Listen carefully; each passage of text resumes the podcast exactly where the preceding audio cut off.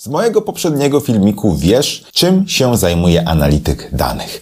Ale pytanie brzmi, czym analiza danych, czym ten proces analizy danych tak naprawdę jest. Dlatego, że uczysz się tych SQL, uczysz się tego Excela, tych różnych technologii, zastanawiasz się, czy taka formuła, taka kalkulacja ci pomoże.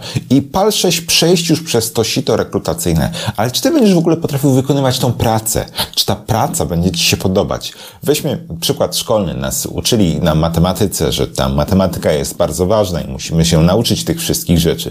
I teraz odpowiedz sobie na pytanie, jak często coś pierwiastkowałeś w życiu codziennym. Już nie wspominam o takich rzeczach jak jakieś sinusy czy kosinusy. Czy kiedykolwiek tego użyłeś? Może z analizą danych jest tak samo. Może te wszystkie SQL i Excel i Pythony to w ogóle nie są takie przydatne. I tak, i nie. Pokażę Ci w tym filmiku taki przeciętny scenariusz, e, jak taka analiza danych wygląda i co taki przeciętny analityk e, robiłby na różnych, na różnych etapach. Wyobraź sobie, że pracujesz w sklepie, który jest sklepem online i sprzedaje jedzenie dla ludzi. Możesz sobie tam kupić mleko, mięso, jakieś dowolne materiały, zamówić i oni ci przywiozą, tak? Tam ludzie sobie będą kupować co tydzień tam ludzie im przywiozą zakupy. Nie trzeba iść, nie wiem, do jakiejś Biedronki czy innego sklepu. E, no i teraz owa firma wpadła na pomysł, że najfajniej to by było, gdybyśmy mieli subskrypcję. To znaczy, gdyby nasi klienci nie kupowali tam mleka, mięsa i tak dalej, tylko wiedzą, że mleko i jajka to im schodzą e, raz na dwa tygodnie, czy w ogóle mają taki zestaw produktów, który im co dwa tygodnie schodzi, no i chcieliby je po prostu dostać, nie? Tak, żeby to wstawiasz sobie do koszyka i regularnie ci przyjeżdża. Jakby to wyglądało? Wygląda to tak, że analityk, który zostaje powiadomiony o czymś takim i ma zbudować raportowanie, jakąś analizę tych danych, które tego produktu e, dotyczą, najpierw musi iść do zespołu, który te dane tworzy, bo analityk tych danych nie tworzy. Te dane powstają w wyniku jakiejś aplikacji, tak? E, albo jakiejś bazy danych. One się pojawiają w bazie danych. No ale to klienci tworzą te subskrypcje, dodają tam produkty do tych subskrypcji, są charge'owani za te subskrypcje. To w ten sposób działa ten mechanizm, więc trzeba pójść. Najlepsze materiały o analizie danych znajdziesz na mojej stronie kajodata.com. Najczęściej do zespołu, który tworzy te dane, no i zapytać chłopaki, jak to działa, gdzie macie te dane, na co trzeba uważać. To jest bardzo ważny e, moment, dlatego że ten zespół będzie chciał się pokazać z jak najlepszej strony i zazwyczaj przyjmuje jedno z dwóch strategii. Znaczy, pierwsza strategia jest, żeby mówić nic no, albo bardzo mało, to znaczy dostaniesz odpowiedź, no dane jakie są, takie są sprawdź, nie? Albo y, wręcz mówić rzeczy nie do końca prawdziwe, bo na przykład nie będą chcieli się podzielić tym, że niektóre rzeczy tam nie do końca działają, co jest kompletnie normalne. Wprowadziliśmy nowy produkt. Najczęściej jak wprowadza się nowy produkt, to ten nowy produkt nie działa tak, tak dobrze, jakbyśmy chcieli. Tak? To jest bardzo rzadka sytuacja, że firma wprowadza jakiś nowy feature, jakieś nowe rozwiązanie i to rozwiązanie od razu działa tip-top. Jest, nie ma się jakby tutaj co krzywić. E, to jest normalne, że na początku mm, są pewne błędy, które przeoczyliśmy. Więc trzeba zebrać e, fakty i trzeba ustalić wymagania najczęściej z jakimś e, business ownerem albo product ownerem, żeby wiedzieć, co tak naprawdę ma być raportowane. Po ustaleniu tych faktów, czyli wiesz już w jakich tabelkach są dane, mówiąc kolokwialnie, pora na proces EDA, Exploratory Data Analysis.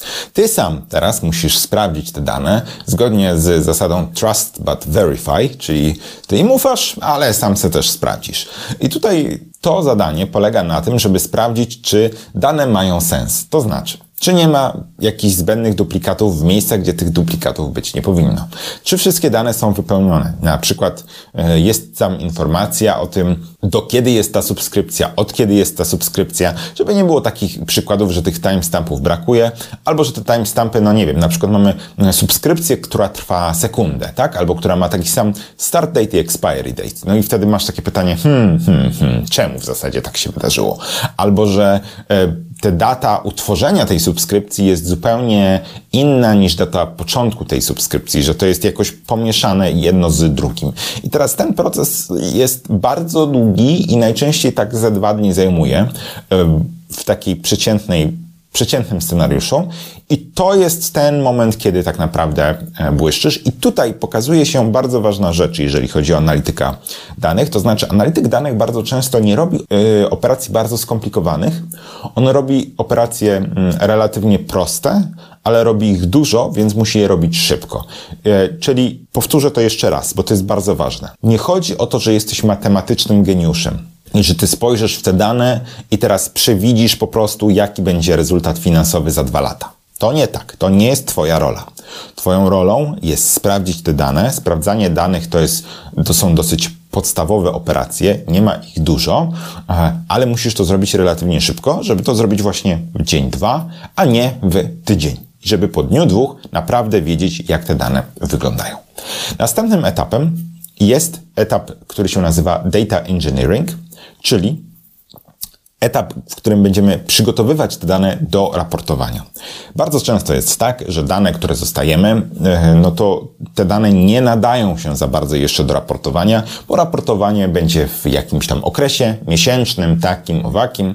Być może osoba, która nam zleciła stworzenie raportu, powie, że tutaj interesuje nas taki KPI albo taki KPI, że w zasadzie tam będą, nie wiem, statusy tych subskrypcji i tych statusów jest 10, ale z tych, z tych 10 statusów my tak naprawdę chcemy 3 i musimy sobie to pomapować, czyli użyć jakiegoś IFA, jakiś case when. I to oczywiście może mieć różny stopień skomplikowania, ale to jest rzecz, na którą się również należy przygotować, czyli po poprzednim, drugim etapie DA. Teraz musi, przychodzi etap numer 3, czyli właśnie ten data engineering, etap, w którym my przetwarzamy te dane. Czasem jest tak, że będzie to również związane z przeniesieniem danych z punktu A do punktu B. Być może dane są trzymane na prywatnej bazie danych um, do, u deweloperów, a my to musimy przenieść do centralnej bazy danych y, analityków, tak? I to mówię w takich ogólnych pojęciach, czasem to będzie inny zespół, który się będzie zajmował przenoszeniem tych danych, czasem to będziemy my. Czyli ta transformacja i przenoszenie danych to jest też zadanie często analityka. I tutaj oczywiście odsyłam do filmiku, w którym mówiłem, czym się różnią role biznes analityka, analityka danych i BI dewelopera i jak one na siebie zachodzą. Bo tutaj widzisz, że no w sumie za dużo to nie analizowaliśmy jako ten analityk do tej pory, chociaż każda z tych rzeczy de facto jakiś pierwiastek swoją drogą e, analizy zawiera. No i właśnie, no i dobrze, mamy teraz te, mm, mamy teraz te dane w tym odpowiednim miejscu, już tak przygotowane, że można zacząć to raportować najczęściej na przykład w jakimś narzędziu typu Tableau albo Power BI, takim wizualnym. Mm, I to jest rzecz, która jest e, dosyć prosta już, czyli przygotowanie tego raportu wizualnego, albo nie wiem, tworzymy raport, który po prostu będzie wysyłany na maila i z jakąś tabelką, jakimś podsumowaniem. Jest rezultatem zapytania w SQL-u, to też się może zdarzyć, albo na przykład dane są regularnie pobierane za pomocą Power Query do Excela i tam jest to podsumowanie, no to też się, to też się może zdarzyć. Natomiast teraz, w, w tym punkcie, punkcie numer 4, czeka nas e, raportowanie i KPI, bo my musimy ten raport przygotować, jakoś on musi wyglądać i najważniejsza rzecz, bardzo często się zdarza tak, że nie mamy podanych wszystkich KPI-ów, które mamy raportować. I to my teraz mamy wymyśleć, jakie to są KPI. -e. No i zastanówmy się. Mamy na przykład e, ten model subskrypcyjny, załóżmy, że on trwa już od kilku miesięcy, no bo nie ma co analizować rzeczy, która jeszcze nie istnieje. Więc zastanówmy się, co tak naprawdę mm, moglibyśmy przeanalizować. Na przykład moglibyśmy przeanalizować, jaka jest przeciętna długość tej subskrypcji, tak? To znaczy, po jakim czasie e, nasi klienci odpadają i rezygnują z tego. Jaki jest udział subskrypcji w łącznej ilości zamówień? Czy ten udział rośnie? Czy to jest tak, że spośród naszych klientów coraz więcej klientów decyduje się na model subskrypcyjny, który jest mam nadzieję, e, pozytywną rzeczą dla firmy. Można na to spojrzeć z innej strony, czyli na przykład zastanowić się, czy to, że zwiększa się ilość subskrypcji na jakiś produkt, powoduje jego częstszą niedostępność, tak? No bo jeżeli teraz mamy jakiś produkt w subskrypcji, to znaczy, że on musi być w magazynie, no bo subskrypcja zawsze musi być ob obsłużona. Więc kiedy inni nasi klienci wykonują zwykłe zamówienia, no to być może część, część tam tego mleka, która stoi w magazynie, jest już zarezerwowana pod subskrypcje, które muszą zostać obsłużone, więc zwykli klienci bardzo często dostają informację o tym, że produkt jest niedostępny. W związku z tym idą do konkurencji. To też nie jest dobrze. Tu jest bardzo dużo różnych pól i trzeba się zastanowić, które KPI są mają najwięcej sensu, albo, i tutaj będę z Wami zupełnie szczery, które KPI robią największe wrażenie, zrobią największe wrażenie na odbiorcach tego raportu. Dlatego, że ten aspekt e, takiego wow, takiego, takiego lekkiego zachwytu, że w sumie niezły pomysł, jest często ważniejszy dla analityka e, z punktu widzenia jego rozwoju w danej firmie, niż taki, hmm, powiedziałbym, obiektywny e, obiektywny raport. Często w takim raporcie dobrze jest pomyśleć o jednym takim KPI, jeżeli mamy taką dowolność, żeby zrobić pewnego rodzaju flex i naprawdę taki flex, czyli że tam pokazać, że coś umiemy. Um, Najlepsze kursy poświęcone analizie danych i darmowy newsletter znajdziesz na mojej stronie kajodata.com. I naprawdę zaproponować coś niestandardowego, natomiast 80% tego, co my pokazujemy, to musi być e, standard. To nie jest tak, że to wszystko mają być KPI z kosmosu. Musimy zachować tutaj pewne, pewne proporcje. No i tak przechodzimy do punktu numer 5, czyli do prezentowania. Bo myśmy ten raport stworzyli, dodaliśmy ten nowy KPI i teraz Załóżmy, że mamy raport w Tableau albo w Power BI, mamy spotkanie z naszym e, business ownerem, albo z product ownerem, albo z szerszą publicznością i mamy zaprezentować ten raport, w którym mówimy, e, jak on, e, jak on działa i, i co on raportuje. I tutaj najgorszą rzeczą, którą możecie zrobić, jest zaprezentowanie tego raportu w taki sposób, jakby osoby, które widzą wasz ekran, dzielicie się ekranem, tak? Macie, macie tam kola na Teamsie, mm, jakby one były ślepe. To znaczy, najgorszą rzeczą, którą ja słyszę na tego typu prezentacjach, a na dużej ilości takich prezentacji byłem, to jest prezentacja, która mówi w ten sposób. No tutaj u góry widzą Państwo, że mamy e, tytuł tego raportu, e, pod spodem mamy filtry i możemy dzięki nim filtrować te dane. Później mamy wykres liniowy po lewej stronie i wykres słupkowy po prawej stronie, no i one przedstawiają to i to a na dole mamy stopkę, gdzie tam podałem takie kilka podstawowych informacji o tym, skąd bierzemy te dane. To jest absolutnie skandaliczny sposób prezentowania raportów, dlatego że wszyscy którzy są na tym kolu, widzą, że tak to wygląda. Jak sprzedajesz samochód i przychodzi do ciebie klient, który, potencjalny klient, który chce ten samochód kupić, no to nie mówisz mu, no widzi pan, tutaj są cztery koła, e, w środku mamy kierownicę, Mamy siedzenia, także można na nich usiąść. No i dach jest u góry, żeby nie padało na łeb, nie? Nie, nie o to chodzi.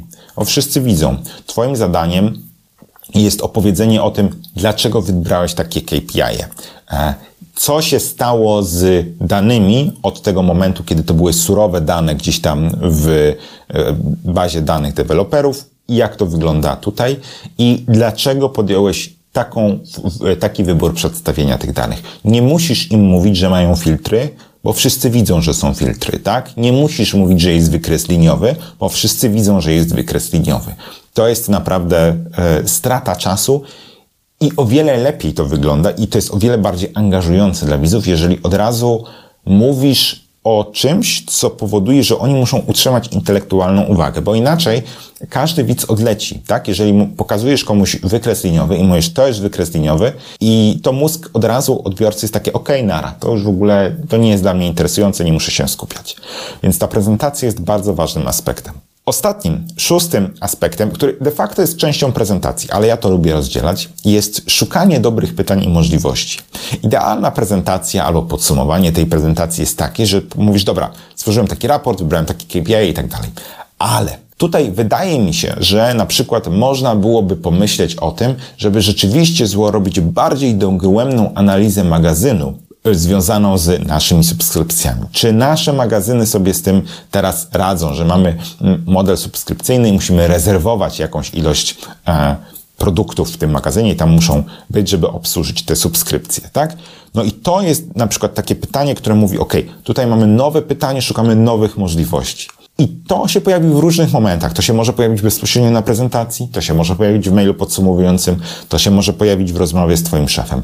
Natomiast to szukanie dobrych pytań i możliwości rozwoju jest bardzo ważną rzeczą, żeby nie było czegoś takiego, że zrobiłem raport, elo, nara, nie? Znaczy, możesz tak zrobić, ale to nie jest wykorzystanie e, Twoich możliwości jako analityk. Więc mamy te sześć punktów e, jako analityk danych. Podsumujmy sobie ustalenie faktów i wymagań, exploratory data analysis, data engineering, raportowanie KPI, prezentacja i wreszcie szukanie dobrych pytań i możliwości.